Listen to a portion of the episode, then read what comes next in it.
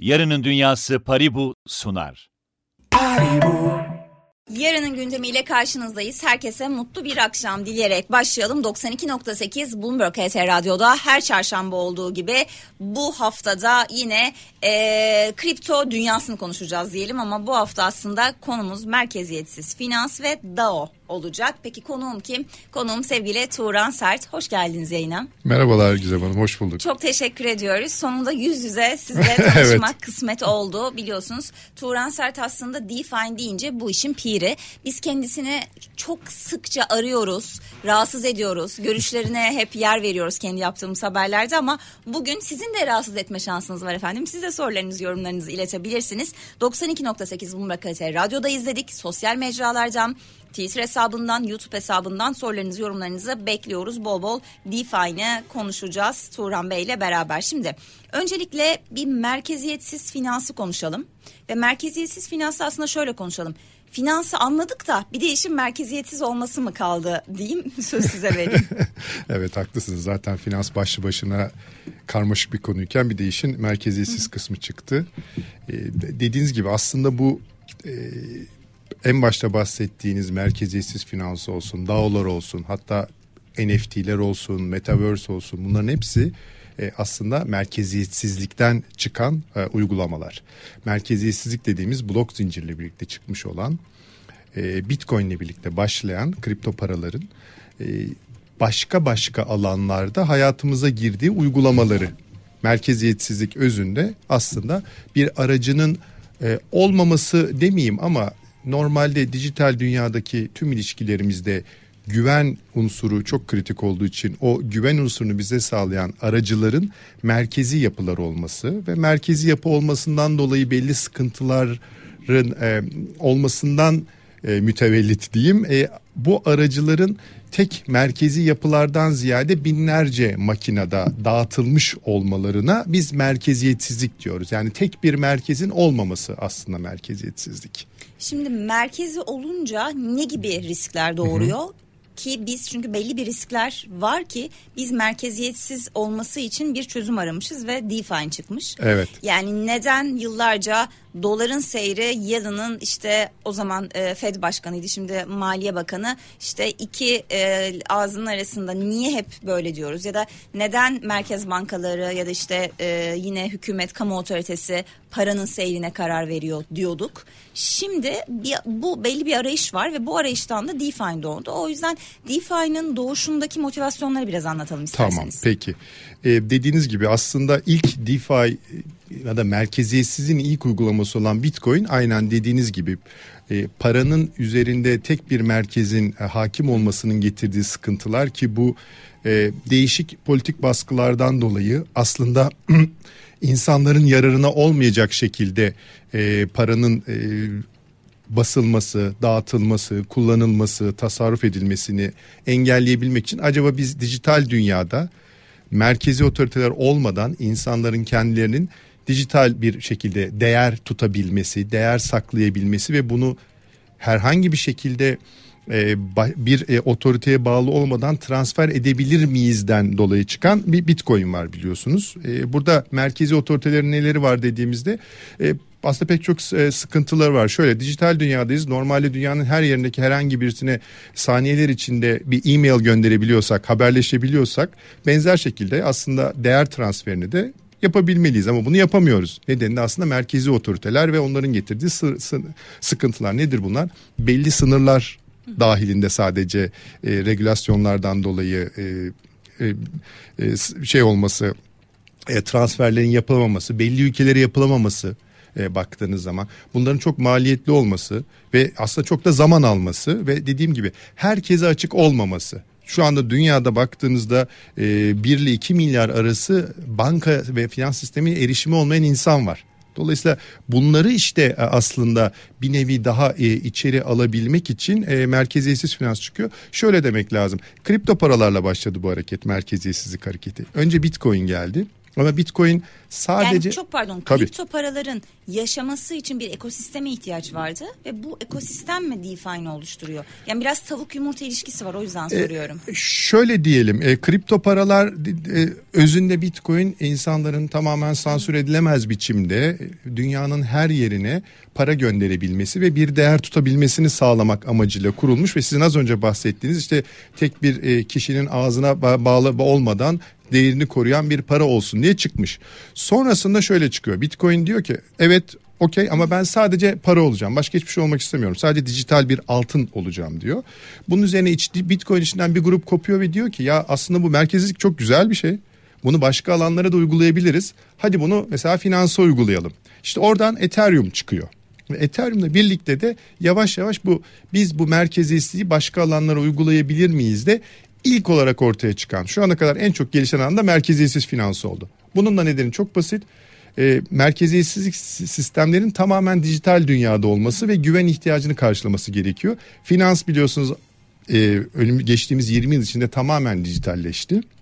E, artı finansın aslında verdiği en büyük katma değer merkez e, güven ihtiyacını karşılamaktır. Dolayısıyla e, blockchain, blok zincir sistemleri artık onu sağlıyorlar. DeFi merkeziyetsiz finansta dediğim gibi bunu sağlayarak blok zincir teknolojinin finans alanındaki uygulamalarını getirdi bizlere.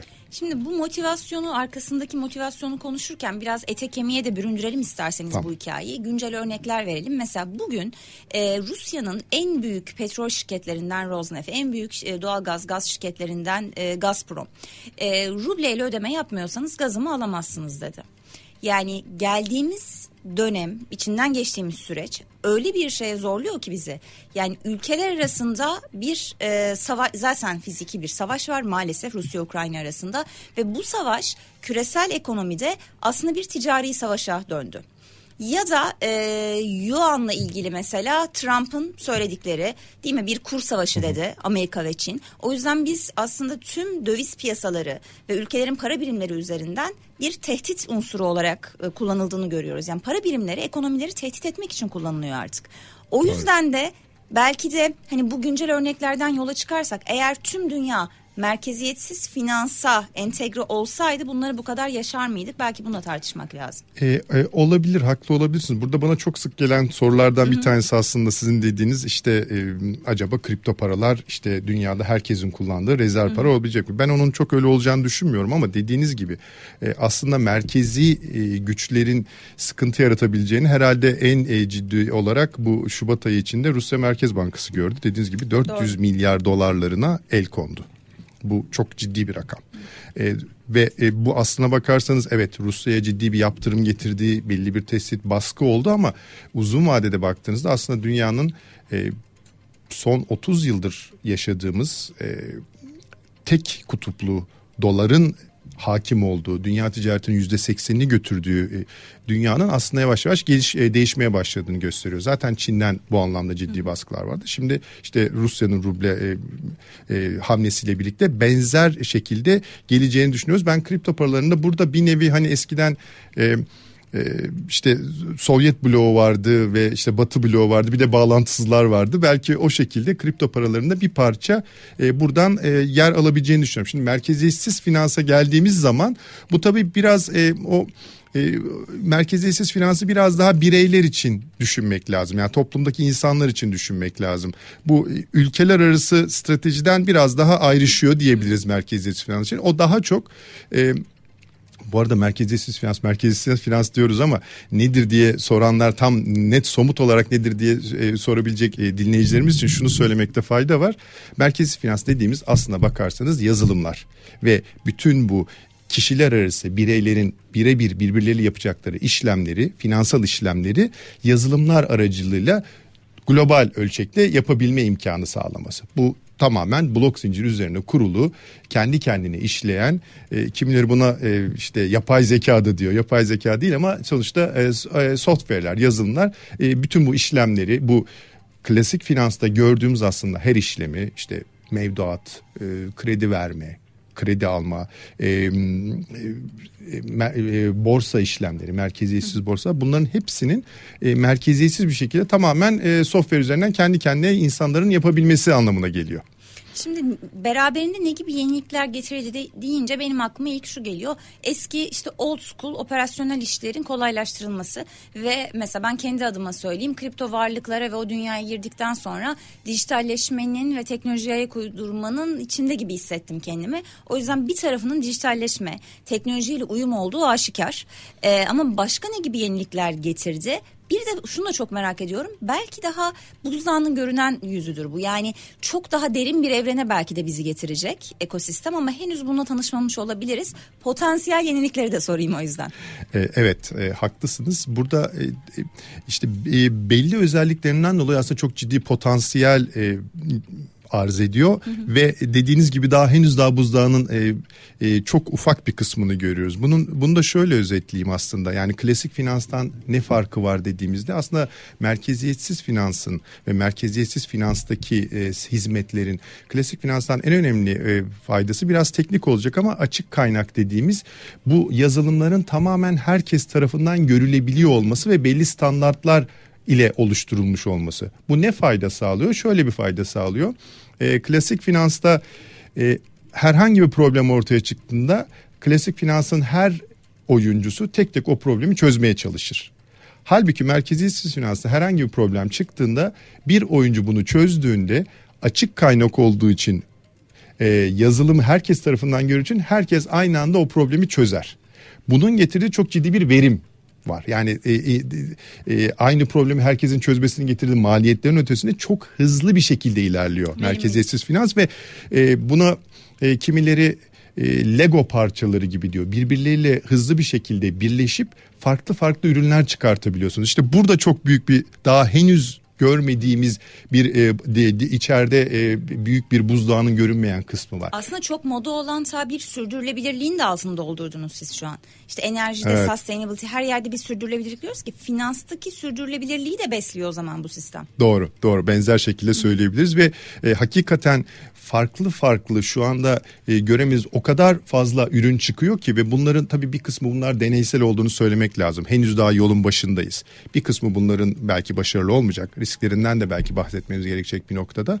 Ama başarılı olanların gerçekten e, ben e, bu arada onu da bana çok soruyorlar. Siz sormadan ben söyleyeyim. E, merkeziyesi finans işte klasik finansı alaşağı eder mi? Yerini alır mı? Ben öyle düşünmüyorum. Ben bunu e, insanlar için bir opsiyon olarak düşünüyorum. Bu biraz daha belki özellikle başlangıçta e, daha bu konuya hakim olanların aşina olacağı, biraz e, zamanla e, belki geniş kesimlere yayılacak e, olan ve e, klasik bir kesiminde belki de hiç kendilerini rahat hissetmedikleri için e, girmeyecekleri ama e, dediğim gibi belli bir kesim için de ciddi bir alternatif olacak bu. Ucuz, ciddi getirileri olan e, rahat e, çok daha rahat kullanabilir çok daha esnek e, ve kişiye özel istekleri göre çok farklı şekilde e, ayarlanabilecek bir nevi e, e, modüler yapılar diye bakabiliriz.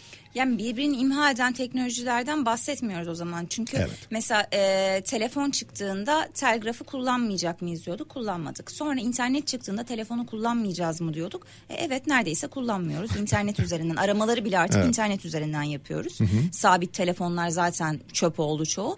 E şimdi interneti kullanmayacak mıyız noktasına geldik. Ama siz yeni teknolojinin eski teknolojiyi komple yok etmeyeceğini aslında birbirini besleyeceğini söylüyorsunuz. Evet ve benzer şekilde mesela klasik finans oyuncuları örneğin bankalarda aslında bu merkeziyetsiz finans ürünlerini e, müşterilerine sunabilecekler baktığınızda. Çünkü e, özünde e, bunlar e, merkeziyetsiz finans kripto paraların üzerinde dönen bir e, dünya baktığınızda.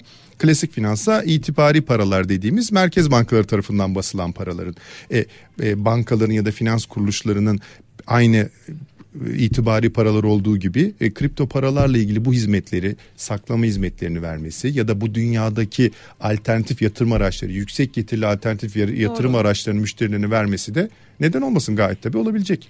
Peki 92.8'deyiz Bloomberg HT Radyo'da. Yarının gündeminde Turan Sert konuğumuz. NFT'ler, Metaverse, merkeziyetsiz finans aklınıza ne geliyorsa e, beyninizin dehlizlerinde, kafanızın içinde geçen tüm soruları bize iletebilirsiniz diyelim ve kaldığımız yerden devam edelim. DeFi'ni biraz konuştuk ama DAO Evet. Nedir bu DAO Turan Bey? Evet.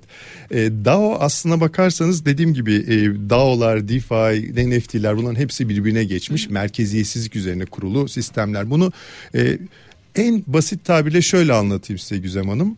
E, finanstaki klasik finans dedik. Klasik finansta e, hizmetleri kim veriyor bize? Şirketler veriyor. Finans kurumları veriyor. Bunlar e, anonim şirketler, limited şirketler. DAO dediğimizde aslında bakarsanız bir nevi e, şirket, bir oluşum. İnsanların oluşturduğu bir nevi aslına bakarsanız dijital kooperatif bunlar. Yani herhangi bir misyonu gerçekleştirebilmek için dijital dünyada bir araya gelmiş insan topluluğu. Buna bir girişim de diyebilirsiniz. Ve bu merkeziyetsiz finansal olarak bahsettiğimiz aslında bu hizmetlerin pek çoğu bu DAO'lar tarafından veriliyor. DAO'nun açılımını da verelim burada. Decentralized Autonomous Organization merkeziyetsiz otonom yapılar demek bunlar. E, nedir bunlar? E, kişilerin bir araya geldikleri ve e, bir, bir misyonu gerçekleştirebilmek için ortada buluştukları bir e, yapı. Bu ve e, bu yapının kuralları, anayasası ya da işte tüzüğü ne derseniz deyin. Bu da blok zincir üzerine yazılıyor ve değiştirilemiyor. Ancak topluluk tarafından değiştirilebiliyor. Ben nasıl dahil olacağım? Ben şimdi DAO'ya dahil olmak istiyorum mesela. Ee, öncelikle yani e, binlerce DAO var. Yani binlerce girişim var ve bunlar e, genelde e, dediğim gibi dünyanın her yerinden e, kendi ismiyle da takma ismiyle insanların bir araya gelip oluşturdukları oluşumlar. Bunlar genelde bir tabii web siteleri var e, normal olarak. Bunun dışında iletişimlerini genelde e, Discord denen bir e, aplikasyon Hı. uygulama üzerinden e, sağlıyorlar. E, ve genelde de herkese açıklar. Yani şöyle oluyor. E, DAO'nun e, Discord kanalına giriyorsunuz. Orada bakıyorsunuz. Orada çeşitli e, dediğim gibi misyonuna göre çok değişik farklı farklı Hı-hı. nasıl şirketler varsa DAO'lar da var. E, belki de aslında o örneklerden gitmek gerekiyordu. Mesela bir örnek verebilir tabii, misiniz? Tabii tabii. Mesela e, yani e, çok farklı örnekler var. E, yatırım için kurulmuş olan DAO'lar evet. var. Belli insanlar gidip orada e, o DAO'nun bir parçası olup belli mesela sanat eserlerine yatırım yapabilir. Ya da mesela sosyal yardım için kurulmuş DAO'lar var. Mesela Ukrayna'ya biliyorsunuz işte bu e, savaş savaş sonrasında hızlıca bir dağ kuruldu ve milyonlarca dolar para topladılar. Ama orada bir teknoloji değil bir insan grubundan bahsettiğimiz için riskleri de beraberinde getirmiyor mu? Tabii ki. Yani baktığınızda aslına bakarsanız merkeziyetsiz yapıların başarılı olması için en kritik konu topluluk. İnsanların bir arada Hı. olması ve insanların zaten topluluğu bir yere getiriyorlar. Burada e, birkaç e, konuyu belki açıklığa kavuşturmak lazım. Genelde bütün kararlar e, sonuçta bu bir şirket gibi düşünürseniz ne vardır? Şirketin bir yönetiminin nasıl olacağı karar verilir. Ondan sonra da yönet e, operasyonları vardır. Doğru. Bunların hepsi tek kişi karar açık... veriyorsa bir ülkede ya da bir şirkette e, tabii ki riskler artar. Doğru. Ama ne kadar çok kişi karar veriyorsa değil mi? Kesinlikle.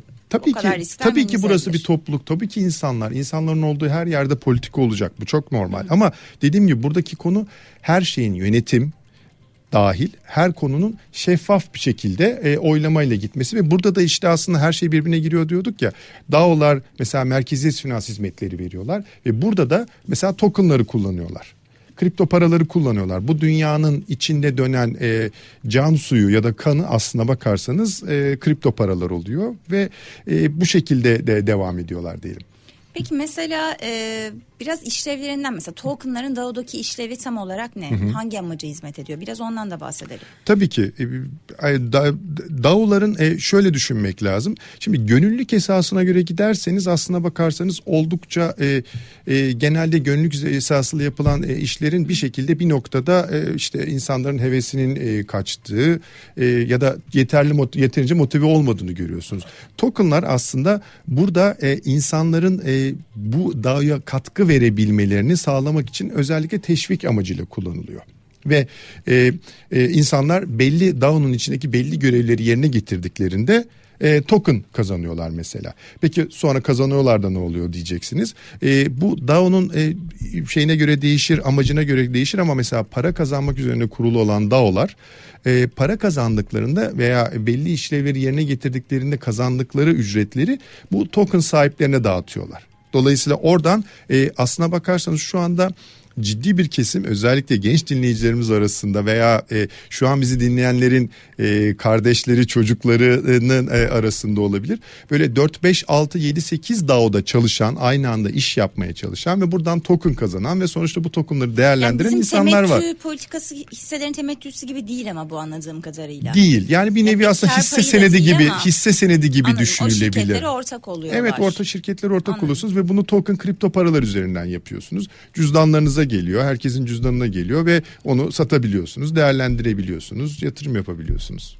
O zaman aslında mesela kripto varlığa mesela Bitcoin'e yatırım yapmakla DAO'nun içinde olup aktif bir şekilde çalışıp oradaki enstrümanlara yatırım yapmak arasındaki fark ne? E, Bitcoin'de çok daha e, pasif bir şekilde yatırımcı oluyorsunuz ama diğer tarafta bayağı ciddi çalışıyorsunuz. Yani dediğim gibi buna ciddi e, vakit harcayan, e, vaktini normal bir şirkette çalışmak yerine 5-6 daha daha vaktini harcayan insanlar var.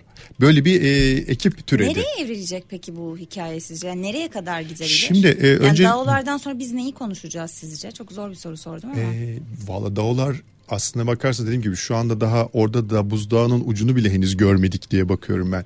Deneyseller nereye evrileceklerini göreceğiz. Çok ciddi bir kısmı tabii ki insanların hevesleri e, kalmayacağı için kalmayacak belki ama nereye evrileceğinizde benim e, çeşitli yayınlarda e, dile getirdiğim bir iddiam var. Onu burada da dile getireyim. Lütfen. Şimdi e, şu, dünyanın en değerli 10 şirketine baktığınızda 2000 2010 yılında e, en değerli şirketlerin petrokimya şirketleri ve bankalar olduğunu Hı. görüyorsunuz. 2020 yılına geliyoruz. 2021 yılına ya da 2022 yılına geldiğimizde en değerli 10 şirkete bakıyorsunuz. İşte Apple, Microsoft, Tangent, e, tamamen teknoloji alanında e, aracılık veren şirketler ve işte e, soft e, şey, e, çip şirketleri olduğunu görüyorsunuz.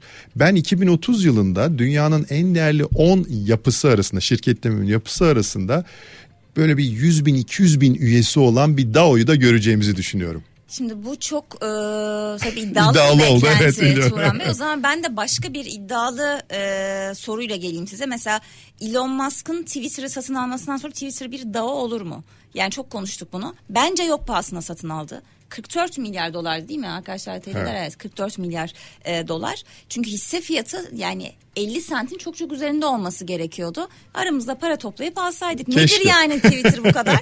Ama işin e, tabii ne diyelim aslı ne kadara satın aldığından ziyade Twitter'ı nereye çevireceği. Yani evet. Elon Musk'ın yatırım stratejisi, bir artık yatırımcı gurusu olması, teknoloji şirketiyle yatırım şirketi olmak arasında gidip geliyor. Sürekli kripto varlıklara ilişkin verdiğine diyelim buy site tarafındaki tavsiyeler. E, nereye evrilecek bu dünya? Mesela Twitter'da olur mu sizce? Twitter daha olur mu? E, Elon Musk 44 milyar dolarını çöpe atar mı gibi oluyor biraz ama e, Twitter'ın karşısına yeni dağlar çıkabilir. Merkeziyetsiz sosyal medya. Mesela bu alanda e, merkeziyetsiz kredi verme platformu var. AV diye bir platform. Onların Lens protokol diye çıkardıkları bir merkeziyetsiz e, sosyal medya platformu var. Nedir bunun Twitter'dan farkı? Aslında Twitter gibi aynen aynı şekilde işliyor. Ama şöyle bir güzellik var Güzem Hanım.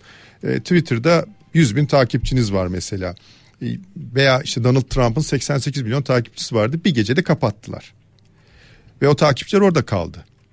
İşte merkeziyetsiz olduğunda merkezi sistemlerin en büyük özelliklerinden birisi gücü kullanıcıya vermeleri. Kullanıcının tam olarak e, aslında e, ürettiği e, içeriğe ve e, takipçilerine sahip olması. Hmm. Siz alıp Twitter değil yarın Twitter diye başka bir yere o takipçilerinizi taşıyabileceksiniz. Evet, yani içeriği taşıyabileceksiniz. Mavi tik dilenmeyeceğim mesela. Yani Tabii hesabım ki. hacklendi. Mavi tıkımı da aldılar. Geri de vermiyorlar.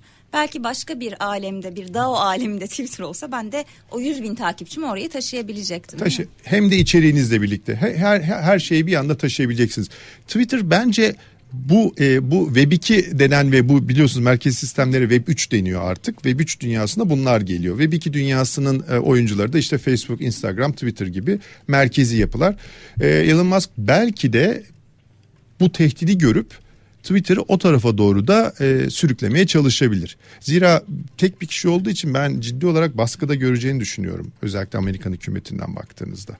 Yani içerik konusunda her ne kadar daha özgür yapacağını söylese de e, gerçekten öyle mi olacak göreceğiz ve o baskıya e, aslında merkeziyetsiz yapılar e, tek bir merkezleri olmadığı için o baskıyı çok daha rahat e, göğüsleyebiliyorlar. Belki de öyle gidecekler. Gitmezlerse çünkü bence rakipleri gelecek o alanda. Merkeziyetsiz dünyalardan bir daha o gelecek dediğiniz gibi. O yüzden elini çabuk tutması evet. lazım. Şimdi en son e, Paribu CEO'su Yasin Oral'ı aldığımızda bu konuyu da konuşmuştuk. Artık e, mesela kripto varlıkların alım satımının yapıldığı platformların yavaş yavaş bir alım satım platformundan teknoloji şirketlerine dönüşmeleri gerekiyor diye. Sadece bir aracı platform, alım satım platformu olmamaları lazım diye. Bunun e, aslında sorma sebebimiz ya da yatırımcıların da bunu talep etme sebebi artık Metaverse'ün, NFT'nin daha yüksek sesle dile getirilmesi. E, bu tabii ki olumlu bir şey ama bir yandan da gerçekten hiçbir e, finansal okur yazarlık demeyelim e, blockchain okur yazarlığı ya da kripto okur yazarlığı olmayan kişilerin bile ya bir arsa alınıyormuş söyleyin ben de oradan alayım arsa diye bir ekibin de maalesef türemiş olması. Ne dersiniz? Maalesef.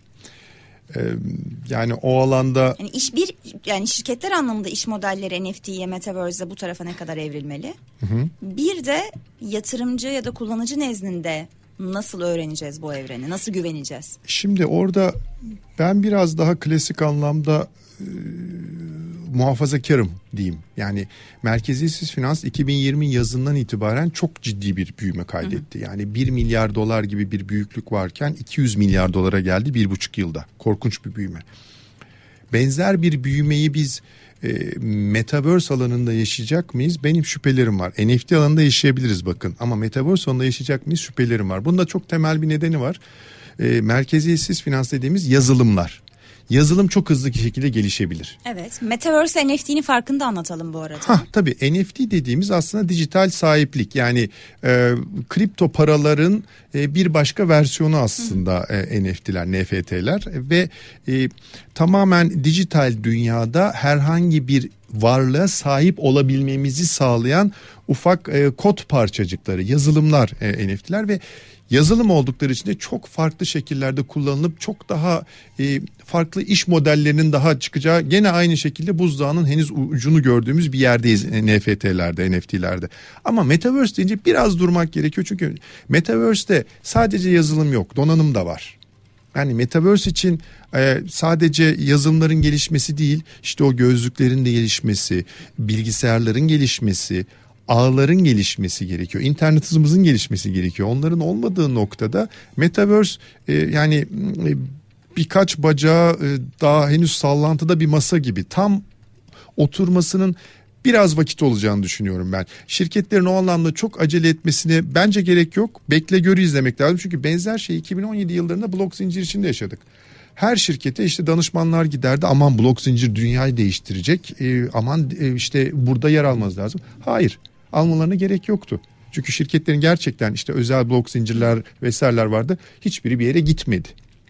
Boşu boşuna yatırım oldu. Ama Biraz bekleme. açılıyor mesela Metaverse'e. Türk e, şirketler de girmeye başladı son dönemde biliyorsunuz. Tabii ki on, yani onlar olabilir ama orada nerede açı bir yani birkaç şey var. Şimdi e, ilgi nerede toplanacak? Hangi Metaverse'e toplanacak? Onu iyi değerlendirmek gerekiyor. Yani burada bu alanda işte Decentraland gibi e, işte Sandbox gibi belli yerler ön plana çıkıyor ama işte İstanbul'u parselledik e, e, işte işte şuradan şuradan yalı alabilirsiniz gibi 5-6 tane birbirinin aynı projenin aslına bakarsanız hiçbir hükmü yok bana sorarsanız boşuna parayı sokağa atmak. İnsanların nerede olacağını bilmiyoruz şu anda. Anladım. Şu an onu öngörmek zor. Peki onun arkasındaki motivasyon gerçek hayatta e, olamadığımız kimlikleri orada mı edinmeye çalışıyoruz? Yani gerçek hayatta çok çılgın bir kişiliğim yok. Çok sıkıcı bir insan olduğumu düşünüyorum. Ama Metaverse aleminde çok çılgın bir karaktere bürüneceğim.